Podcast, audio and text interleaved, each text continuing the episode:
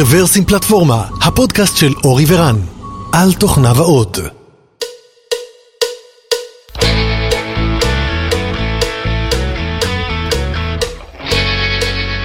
שלום רב, ברוכים הבאים לפרק מספר 391 של רוורסים פלטפורמה, ואנחנו בקרבורטור מספר 16. הקרבורטור זה סדרה של אה, פרקים שמדי פעם אנחנו עושים, ובהם אנחנו מארחים את נתי שלום, אז שלום נתי שלום, מה נשמע? שלום, אחרי כל הקורונה הזאת לא התראינו כבר, אה, נראה כמו איזה נצח. קרבורטור, כן. נפל לתוך הרדיאטור, עשה סמטוחה שלמה מכל הפלאגים. לגמרי. כן, אז למאזיננו בעתיד הרחוק, שלא יודעים מה זה קורונה, לא נספר עכשיו. זה לא חולים, זה נדבקים. כן, אה, לא אמרנו מה התאריך היום, התאריך היום הוא 17 ביוני 2020, שלעד תיזכר כנראה כשנת הקורונה. אה, מלא מלא זמן לא נפגשנו, ובאנו, אנחנו בפתחו של גל שני, כנראה, די, די, די, תעשו לי טובה, לא רוצה לשמוע על זה. יאללה כבר למדנו לבשל, למדנו להכין אוכל בבית, אפשר, אפשר להביא כמה גלים שרוצים. כן. כן, אז אה, נתי איש תשתיות אה, כבר אה, זמן מאוד ארוך, ובדרך כלל הנושאים שעליהם אנחנו מדברים פה זה באמת נושאים תשתיתיים, וגם היום. והיום למעשה אנחנו רוצים לדבר על נושא שנקרא third generation automation, או אולי אוטומציה דור שלישי, גל שלישי. גל שלישי. היית חייב להכניס פה איכשהו את- הים, נכון? כן, לא, את הקורונה. כן, אז אה, נתי בוא לפני שאנחנו נתחיל לדבר ככה שתי מילים אה, עליך, על החברה שלך ועל הרקע שלך, רק אה, למקרה שמישהו עדיין לא מכיר ולא שמע ואז נתחיל לדבר גם על זה. אז, אז אני נתי שלום, CTO ו founder של Cloudify, לפני כן GigaSpaces, מתעסק הרבה בטכנולוגיות open source, היום בתחום, נמצא הרבה בתחום של אוטומציה של תשתיות ענן, networking, עכשיו זה כבר מתחיל להיות גם מערכות יותר מתקדמות של AI וכיוצא בזה, זה in a nutshell. יש לכם האורח AI? שלנו לשש. והאורח, כן, לגמרי, כן, ג'וב סקיורטי בתור אורח. כן. אה, יש לכם כבר AI שיבנה לכם את ה-AI החדש? אני, האמת, יש, יש פודקאסט מאוד מומלץ של אקס פרידמן ועוד כמה חבר'ה שמי שלא מכיר, מאוד מומלץ לעקוב אחרי זה, תחום מרתק, כי הוא נוגע בעצם בכל תחומי החיים, אז אה, אה, בטוח זה יגיע גם ל- לעולמות האלה. כן, כן. אגב, לא מזמן בפייסבוק פרסמו שהם אה, בנו מכונה שמתרגמת באופן אוטומטי משפה אחת לשפה אחרת, אה, שפת תכנות אחת לשפת שפת תכנות אחרת, זאת אומרת, אתה יכול לכתוב ב-C וזה יתורגם לך ל Python וכולי. אה, אז אפרופו job security, אני יודע שלפחות כששמעתי את האנשי AI מדברים על זה, אז שאלו אותם מה החלום הרטוב, לאן זה צריך להגיע, אז אמרו שבאמת אפשר יהיה לייצר רובוט שמתכנת אה, וכותב כן. את התוכנה לעצמו. סוף סוף אני אוכל להחליף אותך כן. בסקריפט. אבל בדיוק. פייסבוק ידועים שהם כותבים ב-PHP וזה מתרגם את זה ל-C++. כן, כן, אז עכשיו, עכשיו AI עושה את זה. כן. אתה יודע, כל דבר צריך קצת AI. אז התכנסנו פה היום אה, לדבר על אוטומציה. עכשיו, אוטומציה זה מילה מאוד מאוד טעונה. אה, מסורתית, למעשה אוטומציה היה איזושהי מילה נרדפת ל-QA אוטומטי, אבל זה לא, זה לא המקרה. אה, אז מה, מה זה, מה זה אוטומציה דור שלישי? על מה אנחנו מדברים? זאת אומרת, מה, מה המטרות, מה, מה, אולי מה עם שני הדורות הקודמים, והכי חשוב, מהו הדור השלישי? המון שאלות, נעשה אחת אחת. כן, אני, אני אתחיל באמת ממה זה הדורות האלה ולמה אני קורא לזה דור שלישי, אז, אז אני חושב שהתחלנו את עולם, למעשה מה שעושה את ה boost לאוטומציה זה הכניסה של הענן, אה, מהסיבה המאוד פשוטה שענן היא חיה יחסית מורכבת והיכולת להתנהל בסביבה הזאת בלי אוטומציה הפכה להיות כמעט בלתי אפשרית, בשונה מ data center שבדרך כלל היה סטטי וכיוצא בזה. הדור הראשון היה מאופיין בזה שחילקנו את. layer ים המאוד מפורסמים של IaaS, PaaS ו SaaS, אה, ובעצם אה, רצית, לכל שכבה היה את האזור אוטומציה שלה, ואם היית רגע, רוצה... אני, אני אתרגם, אז IaaS זה Infrastructure as a Service, כן. זה נגיד שירותים כמו EC2, S3 וכולי, PaaS זה Platform as a Service, שירותים כגון Heroku או Google App Engine. ומה עוד הזכרנו? ו SaaS. ו SaaS, Software as a Service, כן. Google Docs וכולי. למעשה, אם אתה מסתכל על זה, אז יש שכבה שבעצם מאפשרת לך לנהל את ה-VMים, את ה network, את כל השכבה הזאתי. PaaS זה בעצם איזשהו מודל opinionated, מה שנקרא, זאת אומרת, מודל שבעצם אה, מגדיר או מניח מראש איך התשתית האפליקטיבית ואיך האפליקציה שלך נראית. ובעצם מקביל לך את ה infrastructure ומאפשר לך להתרכז רק בכתיבת קוד, והאוטומציה בעצם הייתה גם מאוד opinionated ית, זאת אומרת זה היה משהו שהוא סוג של black box כזה, שעושה לך קסמים, ואתה לא באמת אפילו חשוף או יודע איך הוא מנהל את הדברים. ו SaaS זה גם סוג של black box, אבל ברמת שירות, זאת אומרת, אתה מקבל service כמו המפורסם ביותר, זה ה-CRM בזמנו. אתה מקבל שירות ואין לך מושג איך הוא מנוהל, זה גם לא מעניין אותך, מי שאחראי עליו, אותו זה מעניין, אבל אותך זה לא מעניין. ובאמת הדורות של האוטומציה בעולמות האלה אופיינו באמת לפי השכבות האלה, וכל אחד נתן את המענה שלו, שבעיקר בעולם ה-IAS זה היה בעיקר סקריפטים עם קצת חוכמה, אני חושב ששם זה פחות או יותר התחיל להתפתח. וזה התחיל להיות מעניין ברגע שהעולם של הפס התחיל לאבד קצת רלוונטיות, ואז, השכ... ואז המרחק בין IaaS ל PaaS הפך להיות איזה משהו blur כזה שהוא כבר לא בדיוק מוגדר, כי ה-workload, זאת אומרת האפליקציות הפכו להיות חיה הרבה יותר מורכבת ממשהו שיכול להיכנס לאיזה template כזה שמישהו חשב עליו קודם. ואז ואז זה באמת יצר את הגל של האוטומציה דור שני. אתה מדגדג לי פה ללכת לשיחה צדדית, אבל לא נתפתה, אמרת ש PaaS איבד את המרכזיות שלו, לא זוכר איך בדיוק אמרת את זה, כן? רציתי לשאול למה, אבל בואו רגע נתמקד באיפה שאנחנו. יש הרבה סיבות לדעתי, אבל אוקיי. כן. נתמקד רגע בנושא שלנו, אנחנו מדברים על אוטומציה, שוב, לא בהקשר של QA, אלא אוטומציה בהקשר של אולי נקרא לזה DevOps או Operation של Data Centers וכולי, ודיברנו על הדור הראשון. נכון. אוקיי. הדור השני זה בעצם הכניסה של Cloud Native, מה שהיום נקרא Infrastructure as Code, שבעצם בגדול השכבה של ה PaaS וה-IaaS מתאחדים, ואנשים בונים אם תרצה את ה platform as a service שלהם, on the fly, להרבה מאוד use cases שלהם, שבעצם Kubernetes הוא הכי קרוב ל platform as a service, במופע הזה, אבל הרבה יותר פתוח, כשמן הסתם הקונטיינרים נותנים לנו כבר building block, שאני יכול יותר ל customize, לשלוט, מרמת המערכת הפעלה עד לרמת הקוד. יחידת, בוא נגיד יחידת עבודה הרבה יותר גנרית מ platform as a service בדור הייתי אומר הראשון שהיה מאוד opinionated על השפה ועל ה framework ועל ה stack ים ואיך כל stack ירוץ שם וכיוצא בזה. אבל הקונטיינרים לא המציאו את זה, כאילו האימג'ים של הווירטואל משינס לפני זה היו פחות או יותר אותו דבר. זה, זה, זה נכון ולא נכון, זאת אומרת זה נכון ברמה הטכנית של המילה, זה לא נכון בזה שלפעמים הקלות או הפשטות, זאת אומרת היכולת של האריזה להיות קלה, אני מנסה לחשוב על מקבילה, להיות משהו שאתה מייצר בקלות, מעלה בקלות, אורז אותו ויכול להריץ הרבה כאלה לצורך העניין ביחידה, במקרה הזה ב-VM אחד, הוא משנה פרדיגמה, זאת אומרת בגלל ש-VM הוא יחסית חיה כבדה, אז לא היית מייצר VM בתדירות כזאת גבוהה, היית מייצר אותו פעם ב... ולכן היית, היה מאוד שכיח לנהל דברים על ה-VM אחרי שהוא נוצר.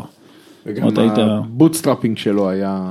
בגלל, בגלל הכבדות שלו, אז רוב התהליכים היו עם configuration management כמו Chef, Puppet, על ה-VM אחרי שהוא נוצר. זאת אומרת, לא היית מייצר את ה-image pre-baked ובעצם מעלה אותו. הקונטיינר ייצר יחידת עבודה שהיא הרבה יותר גרנולרית. אבל מצד שני מספיק coarse grained, זאת אומרת בעברית מספיק גנרית, אבל מצד שני אתה יכול לבנות אותה ביחידות קטנות. וזה נתן building block שהוא לא תלוי בשפה, לא תלוי במערכת הפעלה, ובעצם זה פישט מאוד את בעיית הניהול. כי קודם לכן, במיוחד אגב שמדברים על multi cloud, אז לעשות multi cloud היה כמעט בלתי אפשרי, בגלל שכל cloud יש לו את ה-VMים שלו, והאריזה היא מאוד שונה, וה-operation כתוצאה מזה מאוד שונה, אז הרבה אנשים לא עשו את זה, פשוט לא, ה-effort versus value לא, לא התכנס. אני יכול להגיד שלנו זה פתח את האפשרות לעשות multi cloud. בדיוק, לא רק לכם, אנחנו, אתמול היה לי שיחה עם דור אטיאס, מישהו שהיה בפליימייקר, היום יש לו סטארט-אפ אחר, ודיברנו על זה קצת, ופתאום אני שומע על סטארט-אפים שמדברים על multi cloud, ואני חושב שלפני שנה דיברנו על multi cloud, זה היה כמעט קללה לסטארט-אפים, כאילו, למה בכלל צריך multi cloud, האם צריך multi cloud, ואתה רואה ממש עקומה מאוד יפה שברגע שהסיבוכיות יורדת אז פתאום אופציות נפתחות שלפני כן בגלל רמת הסיבוכיות, זה לא שטכנית אי אפשר לעשות אותן, אבל הכדאיות לא הייתה שם.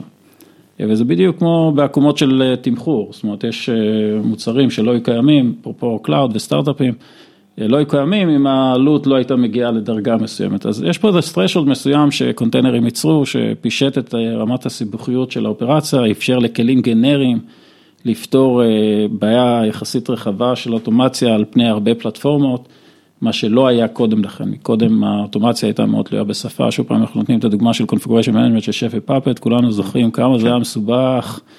לעשות configuration management, היית משקיע המון המון המון, בסוף היית מצליח להגיע לאיזה משהו, בשנייה שהיית משנה אותו, כל האוטומציה שלך הייתה נשברת. וב-containers הרבה יותר קל להגיע ליציבות שהיא אינקרמנטלית, ואתה יכול לייצר building block שאתה בונה כל הזמן עוד, עוד שכבה של אוטומציה, יחסית בקלות. אז הייתי אומר, דור 2 מתאפיין במעבר הזה ל-containers, ל-cloud native ול-infrastructure as code, שהוא לכאורה התחיל לפני. אבל בעצם תפס תאוצה אחרי, למה הוא תפס תאוצה אחרי? כי, כי, בהתח... כי כמו בכל טכנולוגיה חדשה, יש את המשפט הידוע, If you have a golden hammer, everything uh, uh, looks like a nail, ובעצם ה, ה, הרעיון מאחורי זה היה שהגיע קוברנטיס, ואז כולם באו ואמרו, אוקיי, אז... הכל יהיה קוברנטיס וזה בעצם יפתור לי את כל בעיות העולם. כן, אז מה שבעצם אפיין את דור ראשון זה, זה virtual machines נכון. וכלים כמו שף, פאפט, אולי טרפורם. ל-infrastructure. ל-infrastructure. נכון. platform as a service, בדיוק, ו-PaaS-ים כדי להגיד אוקיי אם אתה רוצה משהו, כן. להחביא את כל הבלגן, אז אתה חייב לעשות איזה חצייה מאוד גדולה. ודור שני, שזה למעשה הדור שבו אנחנו נמצאים, דרך אגב המון חברות גם נמצאות עדיין בדור ראשון, ברור, סתם. כן. זה לא קרה כל כך מזמן, זה קרה בכמה שנים האחרונות, זאת אומרת, כנראה שהרבה מהמאזינים שלנו נמצאים בדור ראשון וזה בסדר גמור, גם אנחנו אני חייב להגיד, והדור השני מתאפיין בדוקרים. בקוברנטיס, גם קלאודיפייד באותו דומיין, נכון, נכון? Mm-hmm. ובעוד מוצרים כאלה דומים, וגם הזכרת מולטי קלאוד. נכון. או לפחות איזשהו enablement ל-multi cloud. נכון, ו-infrastructure as code, שזה בעצם, מי שלא מכיר, זה בעצם מושג שטרפורם, אני חושב, הובילו, והיום נהיה מושג בתעשייה, שבעצם כשמו כן הוא, זאת אומרת, כן. במקום שאני אנהל את האוטומציה, זה היה, היה מודלים של, של ניהול שהוא IT, oriented, זאת אומרת GUI למעשה, אתה הולך ל-GUI, מעלה מכונה, מוריד מכונה, מתעסק בעצם באיזושהי חצי אוטומציה. כן. as code אומר שבעצם המהלך של DevOps זה ה-Developer הוא אחראי על זה והשפה הטבעית ל-Developer זה בעצם קוד ולקוד כבר יש הרבה מאוד תשתיות לאיך עושים קולבורציה, לאיך עושים version control, לאיך עושים הרבה מאוד תהליכים. ואין טעם לעשות הפרדה מלאכותית בין איך שה-IT מתנהל לבין שה-Infrastructure מתנהל ולכן בואו נתייחס גם לאוטומציה של ה-Infrastructure כאילו בעצם זה אוטומציה של בילד של, של אפליקציה. זה לא בעצם חזרה לשף והפאפט? לא, כי השוני הגדול הוא ששף ופאפט עדיין היו חיה של IT. פחות, הם, הם, הם, גם אם הם השתמשו ברובי לכאורה כשפה, אז עדיין הייתה חיית אמצע כזאת, זה לא היה חיה שהיית שם אותה בגיט ומיד... לא, זה לגמרי כן. כאילו כן ולא, כן ולא, אני אנסה... בוא נגיד ככה, זה פשוט היה תלוי בך איך אתה מנהל את זה, אבל אני לא יודע, אצלנו זה היה ברור, זה עדיין ברור, אנחנו משתמשים לא מעט גם בשף, בשף, אבל זה היה ברור שזה קוד, וזה צריך ורז'נינג. וכל קוקבוק הוא, הוא אפליקציה, בסוף הוא אפליקציה והוא צריך ניהול קוד. אני חושב אורי, שלשמחתך Outbrain זה לא דוגמה מייצגת, ואתם עשיתם, גם אני הייתי בזמנו, כן, אבל אתם, אתם עשיתם משף מטעמים שרוב החברות לא הצליחו לעשות, וגם משאר, משאר התשתיות. זה שף, הוא עושה מטעמים, בדרך כלל. לגמרי, לגמרי, בישלתם שם בישולים, אולי נמשיך עם זה. כן. ו... אבל האמת היא שעם יד על הלב, הרבה חברות נתקלות במחסומים כשהם מגיעים לעבוד עם שף או עם פאפט או עם כלים אחרים, ויש פה, פה איזשהו barrier of entry שהוא יחסית גבוה ולא כל המפתחים מצליחים להגיע לשם, ואז זה, זה נשאר באזור ה-Ops או ה-IT או ה-DevOps או איך שנקרא לזה. וזה לא נגיש לכל המפתחים, כמו, כמו שזה נגיש אצלכם. אז, אז אני מתחבר במובן הזה למה שנתי אומר, כן, זה, זה היה שלהם, שף זה כלי שלהם. אני לא, חושב שגם פה, אצלנו זה עדיין הבדל... כאילו, זה עדיין אה, כלי שמשתמשים בו האנשי אה, אופרציה ו, וכולי, אבל אה, זה כן מנוהל ב, בצורה שלו, כאילו זה קוד. אני חושב שההבדל, בין אני, זה אני לבין חושב שההבדל הוא באמת לא באם זה, אם אתה יכול לשים את הקוקבוקים או template-ים במקרה של טרפורם. אה, ב-Git, כי זה באמת אפשר לשים את כל, אה, כל סקריפט ב-Git ולנהל אותו לכאורה משם, אני חושב שיש הבדל מאוד גדול בין התפיסה, הייתי אומר, imperative, כאילו, שבעצם, כן, אימפרטיבית, כן, בדיוק, ש, שבעצם אתה מגדיר את כל ה-workflow ואת כל ה-API ו, ו, ו, ו, ומנהל את זה בצורה הזאתי, שזה יותר configuration management, דוגמת אנסיבל, ותכף אני אתן לך דוגמה. אה, לבין אה, מודל יותר דקלרטיבי, שזה, שבעצם אתה אה, מגדיר את ה-desired state ובעצם הפלטפורמה יודעת לעשות את האבסטרקציה כדי להגיע ל-desired state. לכאורה זו אותה הבטחה של שף, אבל זה, כשאתה מטפל ב-infrastructure ואתה מאוד infrastructure centric ברמה של Cloud, Cloud Resource Management, אז, אז אז אתה מטפל בזה אחרת, אני אתן דוגמה, למשל, כשאתה רוצה להרים מכונה באנסיבל, אפילו המקרה הכי פשוט, אתה צריך לכתוב את הסקריפט לאיך להרים את המכונה, אתה צריך לכתוב את הסקריפט גם איך להוריד את המכונה. אה, מודלים דקלרטיביים, אתה מגדיר, אני רוצה מכונה. ואז אוטומטית בעצם ה-flow של איך אתה מייצר מכונה הוא נגזרת אוטומטית, ואיך אתה מוריד מכונה היא אוטומטית ה-reverse code של הדבר הזה, אתה לא צריך לקרוא, להגדיר שום דבר שעושה את התהליכים האלה. זה כבר אנחנו מתחילים לפזול לדור שלוש? אנחנו מתחילים לפזול לדור שלוש, כן, נכון. עכשיו, מה זה דור שלוש? דור שלוש זה בעצם אה, מציאות שהיא אה, אה, נוצרה שבה, אה, אני, אני אגיד עוד מילה לדור שתיים, זאת אומרת עדיין בדור שתיים הצורת עבודה היא, אני רוצה לעשות אוטומציה, אז אני כותב template ים. לכל resource שאני רוצה לנהל, יש לו API, יש לו גם איזשהו YAML file שמייצג את ה-API הזה בצורה יותר אבסטרקטית. אבל אני צריך לכתוב סקריפטים בשפה אחרת, שתארו את מה אני רוצה להגיע, והייתי צריך לכתוב את זה. דרך אגב, אה, אם מדברים על קוברנטיס, אז אופרטורים של קוברנטיס, מבחינתך זה עדיין דור 2? הם כבר חוצים את הקו קצת. הם כבר חוצים את הקו והם נוגעים אבל בדיוק במה שאני מאפיין את דור 3. דור 3 כבר בא לעולם שבו יש כבר הרבה אוטומציה מובנית. זאת אומרת, אתה ב-data center, זה כבר לא מעבר ממודל של אין אוטומציה לאוטומציה. או מחצי אוטומטי לאוטומטי, אלא זה מעבר לזה שיש הרבה אוטומציה, אבל עם הרבה מאוד כלים שונים, ואני קורא לעולם הזה multi domain, זאת אומרת, יש לך אוטומציה של אמזון, שזה Cloud Formation, ויש לך אוטומציה של Azure, שזה אה, Azure ARM, זה נקרא Azure Resource Management. אה, לגוגל יש את האוטומציה שלהם, אה, ל-RDS יש לך כבר הרבה פעמים template ים מוכנים מראש, לקוברנטיס יש את האופרטור. טרפורם עושים חלק מהעבודה, אבל יש הרבה מאוד מקרים שאתה תבוא ותגיד, אבל יש כבר Cloud Formation, למה אני צריך עכשיו לכתוב סקריפט מחדש ולהמציא את הגלגל? אה, וזה עולם שפתאום יש לך הרבה מאוד אוטומציות שכבר נכתבו, מוכנות, נמצאות, חלק, חלק בלתי מהפלטפורמה, ויש לך הרבה דומיינים של אוטומציה, שכל אחד הוא קצת שונה, אבל הוא קיים. ואתה כבר לא יכול להתעלם ממנו, אתה כבר לא יכול לבוא להגיד, אוקיי, יהיה לי איזה שפת, אה, שפה אחת שעכשיו אה, תמדל לי את הכל ואני אקרא לה ב-template וב-YAML file והוא יעשה את הכל ואז פתאום אתה מוצא את עצמך כל הזמן ממציא את הגלגל כי מה לוקח הכי הרבה זמן באוטומציה? לכתוב את הסקריפט הזה. כי זה, עד שאתה מגיע למצב שהאוטומציה היא יציבה, עובדת, לוקח המון זמן. אה, וזה, ואם מישהו כבר כתב את התהליך הזה, במיוחד אם קוראים לו אמזון או אם קוראים לו אג'ור והוא כבר אה, עשה לזה hardening מה שנקרא וזה רץ והוא נותן לך אותו מוכן מראש ואתה רק צריך להגדיר את הפרמטרים, תשתמש בזה. אה, ומן הסתם בקוברנטיס יש כבר כלים מובנים, אז למה להמציא איזה משהו מעל שיעשה את אותו דבר שכבר קוברנטיס נותנים.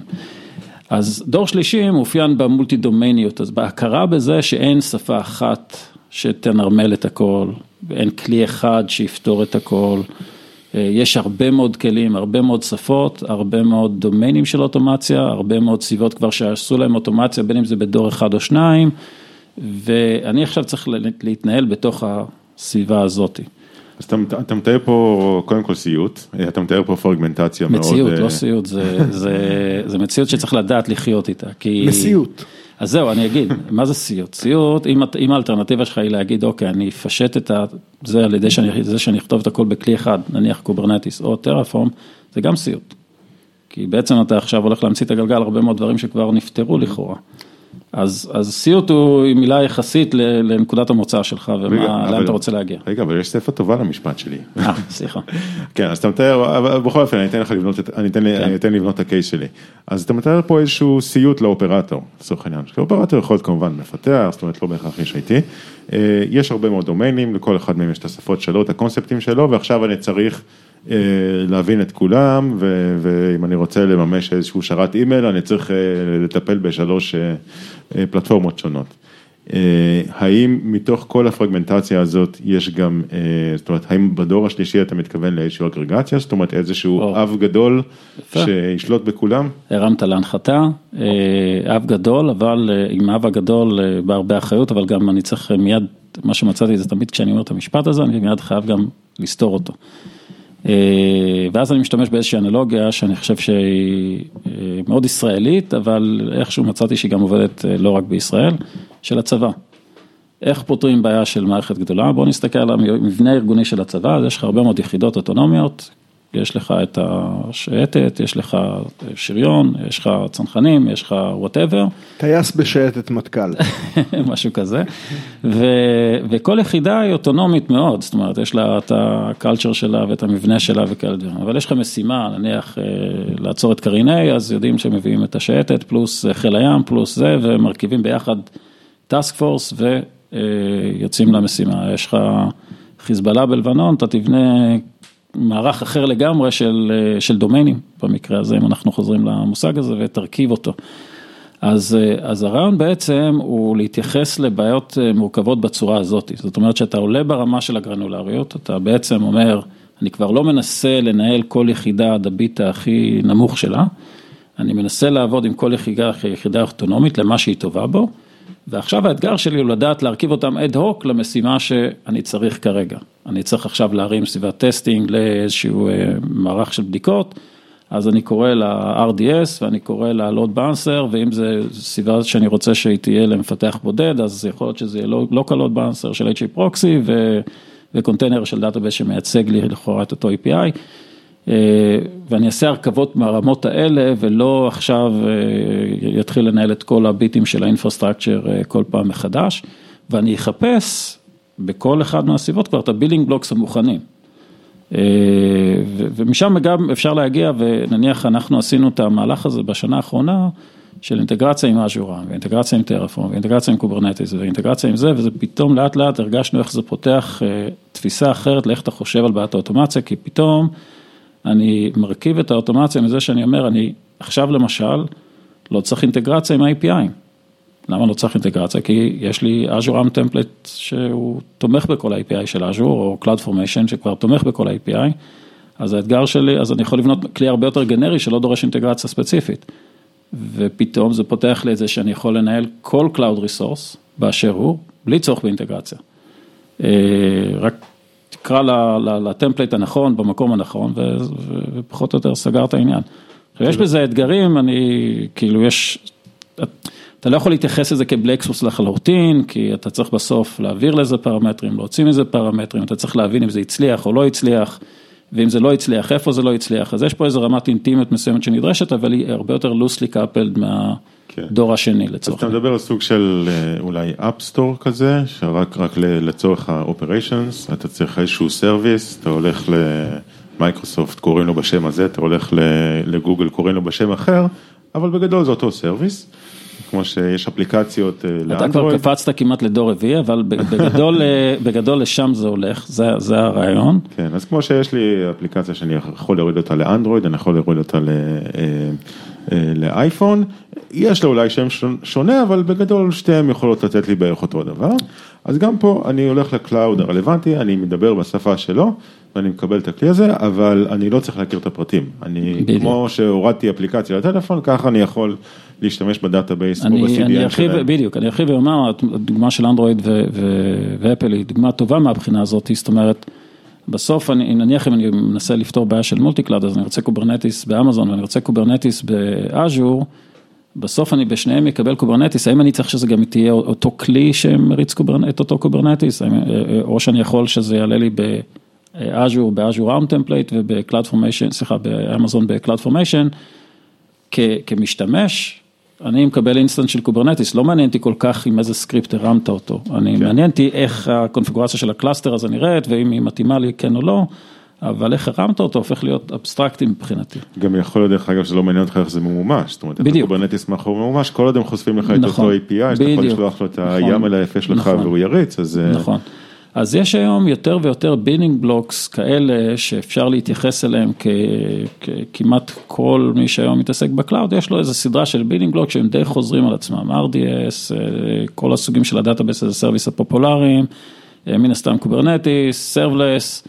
עוד כמה יחידות, אבל מספר יחסית סופי, לא אינסופי, זאת אומרת, יש כמובן את כל ה long tail שהוא יכול להיות אינסופי, אבל את ה-80 אחוז הוא די חוזר על עצמו בקונפיגורציות שונות, ואתה יכול באמת להגיע למודלים של, אה, הייתה לי שוב פעם אותה שיחה עם דור אטיאס, אז הוא נתן אפילו דוגמה, אמר וואלה, אם הייתי יכול עכשיו להרים ידנית את זה, את ה Kubernetes ואת הזה, ועכשיו לעשות קליק, אוקיי, תעשה לי את האוטומציה של זה, כי כי עכשיו כשאתה הולך ל-X-Ray באמזון, אתה יכול לעשות reverse engineering ולדעת מה ה building blocks, ולדעת איזה template־ים מתאימים ל building blocks הזה, ומה שנשאר זה באמת הפרמוטציה, זאת אומרת, מה, מה הפרמטרים הספציפיים שהגדרתי, אני יכול גם לעשות האוטומציה הרבה יותר פשוטה, כי היא תהיה סוג של auto-generated.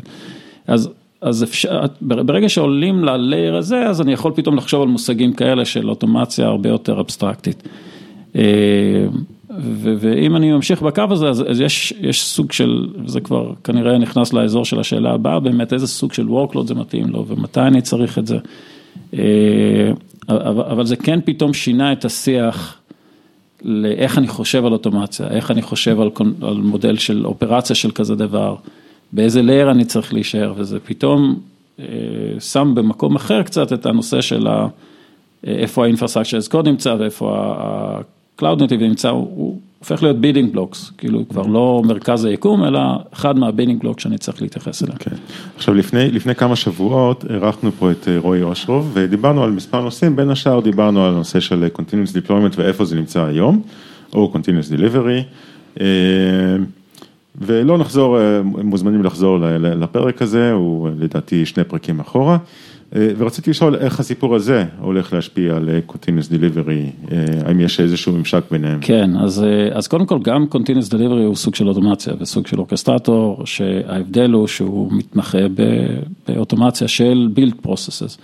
וגם פה, שוב פעם, אפשר לראות את ההתמחויות האלה. של Build ו-Deploy. Build ו-Deploy, בדיוק. עכשיו, לכאורה את כל מרכיב אוטומציה, ונניח בדור השני הרבה פעמים חשבנו ככה, כל מה שקרה לאוטומציה היה נחשב גם מתחרה אחד של השני, והם כל אחד ניסה להראות למה Terraform יותר טוב מ Ansible, ולמה Ansible יותר טוב מ Terraform, ו Terraform יותר טוב מ Kubernetes, ו Nomad יותר טוב מזה, ו... והיה המון בלבול, אני חושב שזה מתחיל, אנשים מתחילים להבין שכל אחד יש לו אזור שהוא מאוד טוב בו, ואזור שהוא כנראה פחות טוב בו, וזה ה multi domain, זה, זה, שזה איזשהו בשלות, זה, זה שלב של בשלות, אז חזרה ל-CICD, אז אני חושב ש... לפלטפורמות האלה של CICD יש התמחות ב-build processes ולמרות שאתה יכול לכאורה לתפור את זה עם כלים אחרים, אה, הם יעשו עבודה יותר טובה והם הרבה יותר מותאמים לסוג הזה של העבודה.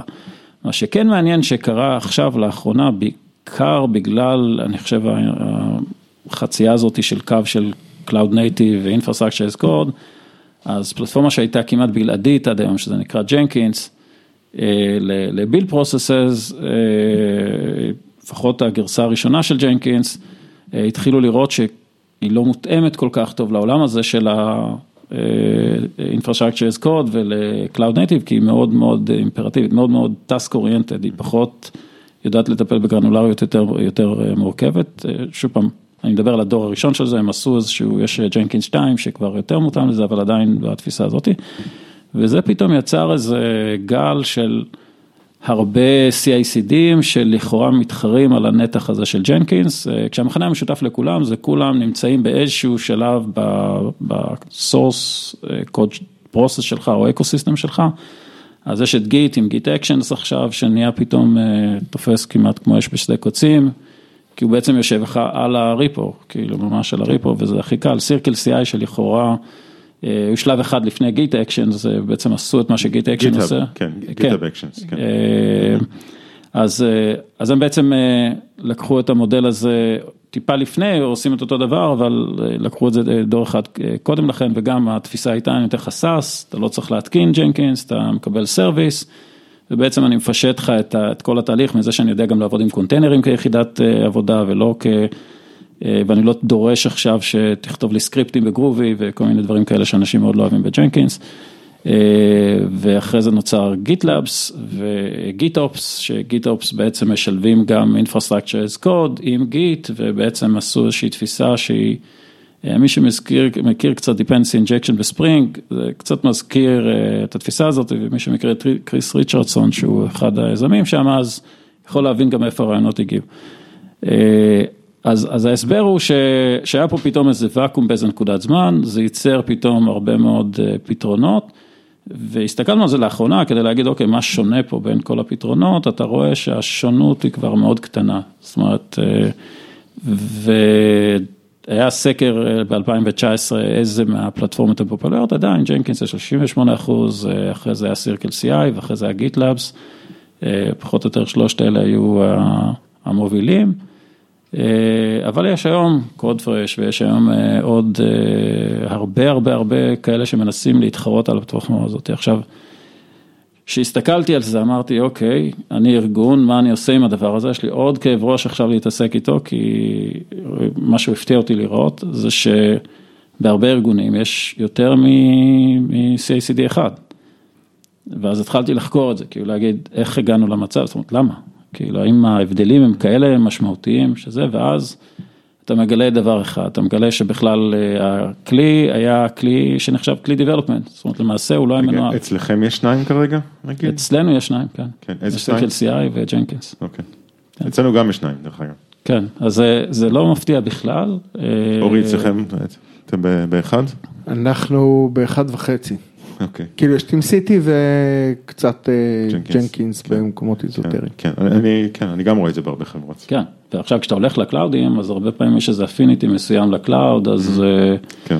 אז הוא ידחוף אותך לאיזשהו כיוון, נניח מייקרוסופט עכשיו חזק ב Git, אז הם ידחפו אותך מאוד חזק ל Git Actions, ובגלל זה אני חושב שזה גם אה, פתאום תופס.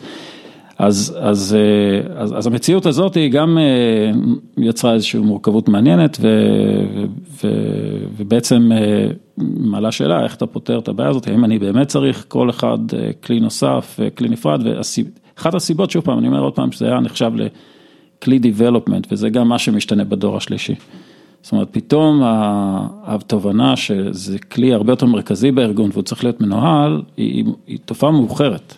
היא בהרבה ארגונים עוד לא קרתה. אה, היא הייתה כלי כמו IDE, זאת אומרת, זה היה איזשהו משהו שמישהו מתקין, משחק כן. איתו, עושה איתו מה שהוא רוצה, פתאום זה משהו שנוגע לך ב-production ובהרבה מאוד מערכות בארגון, והיום כן. יש את כן. המשפט הזה שאם זה לא ב-CICD זה לא קיים, או אין לך אוטומציה אם זה לא ב-CICD, כל מיני משפטים כאלה שאני שומע היום בארגונים שמתחילים להבין את המשמעות של זה. אז, אז זה הופך להיות תשתית סופר מרכזית, אבל היא לא מנוהלת, אז, אז, אז כאילו יש פה איזה אנומליה ורק עכשיו מתחילים לשאול את השאלות האלה, אני ממש רואה את זה ב-enterprise במיוחד, רק עכשיו מתחילים להבין את המרכזיות של זה ואיפה זה צריך להיות, ואז הם מתחילים לשאול את השאלה של למה יש לנו כל כך הרבה CICDים ולמה יש לי, אפילו אם יש לי Jenkins, למה יש לי כל כך הרבה אינסטנסים של Jenkins. אה, כן, ו... כן, אני, אני לגמרי יכול אה, להתחבר לנקודה הזאת, זאת אומרת נתת באמת את הדוגמה של IDE, זו דוגמה חברה כן. טובה, ובדרך כלל אומרים לפתח, תכתוב במה שנוח לך, אתה אוהב VI, אתה אוהב Emacs, אתה אוהב IntelliJ, אתה אוהב Eclipse, תעבוד במה שנוח לך. לאף אחד לא אכפת, מה שחשוב שתעשה commit לקוד אה, מפורמט. בדיוק. כן? אה, ואותו דבר גם היה עם ה-CI. אה, אתה, אתה צריך להריץ את הטסטים, תריץ איפה שבא לך, למי אכפת, כאילו איפה זה, כן. איפה זה רץ, אתה רוצה Jenkins, אתה רוצה TeamCity, אתה רוצה משהו, פתאום, יום אחרי זה אתה מתעורר, כל הארגון תלוי בזה. בדיוק, זה נהיה קו ייצור. כן, כאילו, ברגע שיש תקלה ב-Jenkins או ב-CI שלך, החברה, ב... יש לך חברה מושבתת, כאילו אתה לא יכול לעשות יותר deployment. אה, אתה לא יכול לתקן בעיות, אז זה הופך למשהו שהוא סופר סופר קריטי, אה, ואז אתה מגלה שאתה בברוך. נכון, כן. וזה... כן, אבל כן. בסוף אתה... בסוף אתה מסתנכרן לאיזשהו פייפליין מרכזי.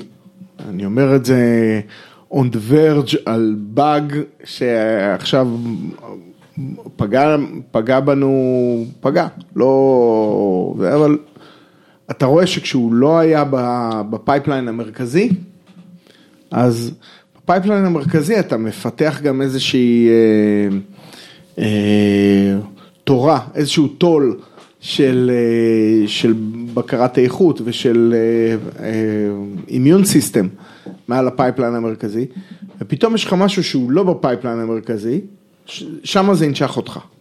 אז זה בדיוק הנקודה האחרונה לגבי הדור השלישי, שזה גם מה שמאפיין אותו, זאת אומרת ההבנה שהג'ונגל הזה שהיה כל אחד עושה מה שהוא רוצה, כשזה נהיה קו הייצור של החברה, כבר לא יכול לקרות, ואז באמת נשאלת השאלה של איך אני מכניס מודלים של governance, ואיך אני מייצר בקרות ומי אחראי על מה, ואיזשהו סדר בבלגן, אה, וניסיון אה, גם להגדיר אה, תפיסות ארכיטקטוניות לאיך בונים אוטומציה, איזה כלים, מי אחראי על הכלים האלה, באיזה שכבות, זה מאוד מאוד צעיר. התפיסה הזאת, זאת אומרת, ברוב הארגונים עוד לא, כל אחד ממציא לעצמו עדיין את התשובות, אני חושב שעוד אין תשובות בית ספר סדורות לכל הדבר הזה. באמת השאלה של איך אתה עושה governance בלי לפגוע באג'יליות, זאת אומרת בלי לפגוע בזה שעכשיו אנשים יפתחו מהר ויריצו, יוציאו גרסאות, אבל מצד שני כן יש לך בקרה, זה קונפליקט שהוא... זה תרבות, אבל, אבל אם תחשוב על השאלה הזאת, זה כאילו באמת אה, שאלות ששואלים שואלים גם על דמוקרטיה, זאת אומרת יש לך משטרה ומצד שני אתה רוצה חופש פרט. אה, אז, אז, אז זה בדיוק המתח הזה, בין בין חופש פרט, אבל גם לחופש פרט יש גבולות, כי מתישהו אתה, חופש פרט שלך יכול לפגוע בפרט אחר, ואז אתה צריך חוקים, ואז אתה צריך אה, סדר, ואנחנו מתחילים בעצם, אנחנו ממש בראשיתו של הגל הזה לדעתי, של לנסות באמת לבנות את התפיסות האלה. אה, ואני חושב שזה איזושהי בגרות מסוימת שגם מאפיינת את הדור הזה. אגב, פה המון אוטומציה נותנת הרבה הרבה מהסיפור הזה, כי... בכל התפיסה הזאת של אה, תבנה מערכת חיסונית שלאט לאט משתפרת, היא תכלס היא שומרת עליך ואתה מתחיל להיות מסוגל, אה, להיות מסוגל לרוץ מהר. לא המצאנו את זה, האבולוציה המציאה את זה, זה, אנחנו לא סתם קוראים לזה מערכת חיסונית כי אה, בסוף אנחנו יודעים שאנחנו יכולים אה, לרוץ וליפול ולחטוף פצע והפצע הזה, אה, הוא, הוא, הגוף יטפל בו והכל בסדר, אפשר להמשיך לרוץ. כי אתה אומר את זה בגלל שבעצם באוטומציה, once אה, טיפלת בפצע, אתה יודע שבפעם הבאה הוא לא יקרה לך. בדיוק. ולא באוטומציה, טיפלת בפצע, הסיכוי שהוא יקרה לך בגלל Human Error עוד פעם הוא יחסית גבוה, כי הוא לא, הוא לא ממודל באיזושהי צורה. אני רואה איך ב, במהלך השנים, אני מתחיל להסתכל על אה, אה, סיכומים של takeinים. takein אצלנו זה retrospect, זה... Mm-hmm. אה, הייתה לזה post mortem, אוקיי? כן. politically correct. politically correct post mortem. אני רואה את הסיכומים של ה-takeinים, ואני מנסה למצוא איך, איפה, איזה action items לוקחים שהם action items של process, ולא רק של בוא נבנה עוד אוטומציה, עוד alert, עוד monitoring, עוד... כאילו, כבר מתחילים להסתכל על ה... להיות מאוד מרוכזים באיך אנחנו פותרים את הבעיות האלה עם טכנולוגיה, אה, ולפעמים אתה צריך גם להגיד, אוקיי, יכול להיות שיש דברים שאנחנו לא צריכים, אנחנו לא יכולים לפתור רק בטכנולוגיה, כי לפעמים אנחנו מסתכלים על מה שמתחת לפנס ולא גם על, אה, גם על דברים שהם process, אבל זה דברים ש, אה, שנבנים ביחד כל הזמן. ובסוף הם, הם שומרים עליך, נכון. ובאמת אם יש pipeline אחד, אז הרבה מתוך האוטומציות האלה ייכנסו... כי אתה בחשיפה מאוד גבוהה מן הסתם, אז, אז יש הרבה יותר מתודולוגיה שאתה מכיל מזה, כן. בעצם זה שיש ויזביליטי גבוה וחשיפה מאוד גבוהה, ומן הסתם אם כן. יש בעיה גם... אה, היא, היא עולה מהר באסקלציה. אבל רציתי אה, לשאול אותך על כן. העניין הזה של איחוד פלטפורמות, כן. בסדר? שיש פה... פתאום כל אחד מפתח לעצמו את, ה, את השפת אוטומציה נכון, לא שלו ו... של ודברים כאלה. אבל, אוקיי. אבל אם יש הרבה מאוד פלטפורמות, אה, למה, נגיד כשאנחנו עשינו multi, אה, multi data center, סליחה, לא multi, multi cloud, אה, עשינו setup שרץ גם ב...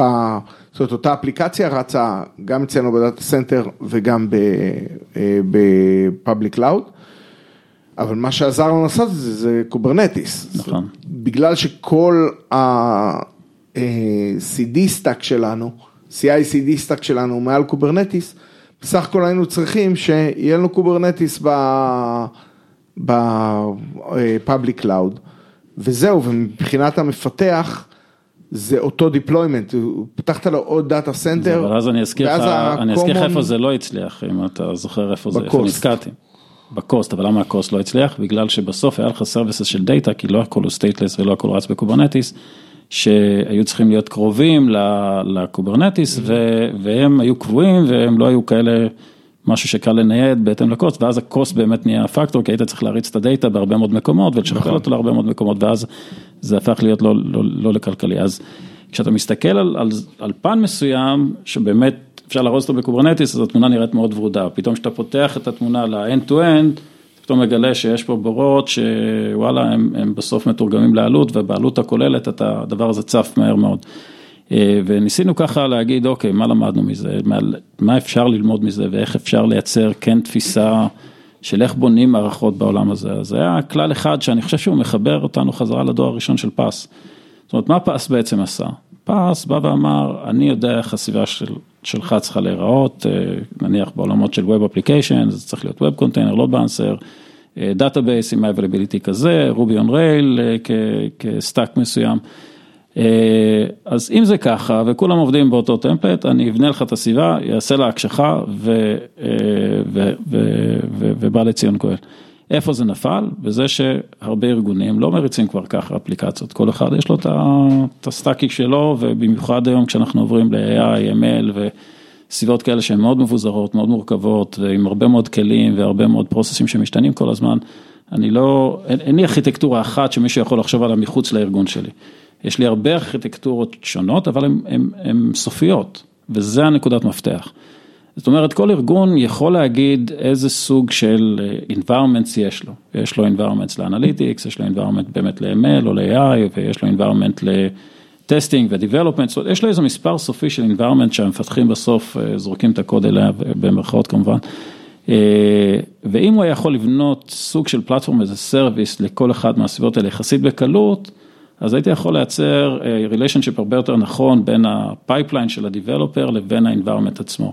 וזה הרעיון באופן עקרוני, זאת אומרת, להפוך את היכולת לייצר, להפריד בין ה- CI/CD לבין infrastructure, כי מה שראינו שהספגטי הכי גדול זה שמאותו pipeline, אתה, כל אחד קורא ל infrastructure בצורה שלו, רק בגלל שיש לו איזה פרמטר אחד שהוא רוצה לעבוד עם spot instances ולא עם VM ב-Development.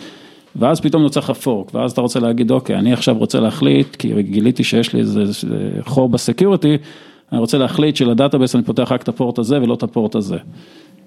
עכשיו יש לך עשר מקומות לגעת ולהבין איפה מישהו הגדיר את ה security group הזה וללכת עם זה וזה הולך ונכבה. עכשיו, אם אני בונה לזה פלטפורמה שיש לי את כל הלוגיקה הזאת היא מרוכז במקום אחד ויש בה פרמוטציות אחרות ויש קבוצה שמתמחה בזה ואיך עושים אופטימיזציה ל cost לפלטפורמה הזאת, נניח, לה, ניקח את הדוגמה של ה-AI או ה-Hadoop או whatever אתם משתמשים בו היום לאנליטיקס.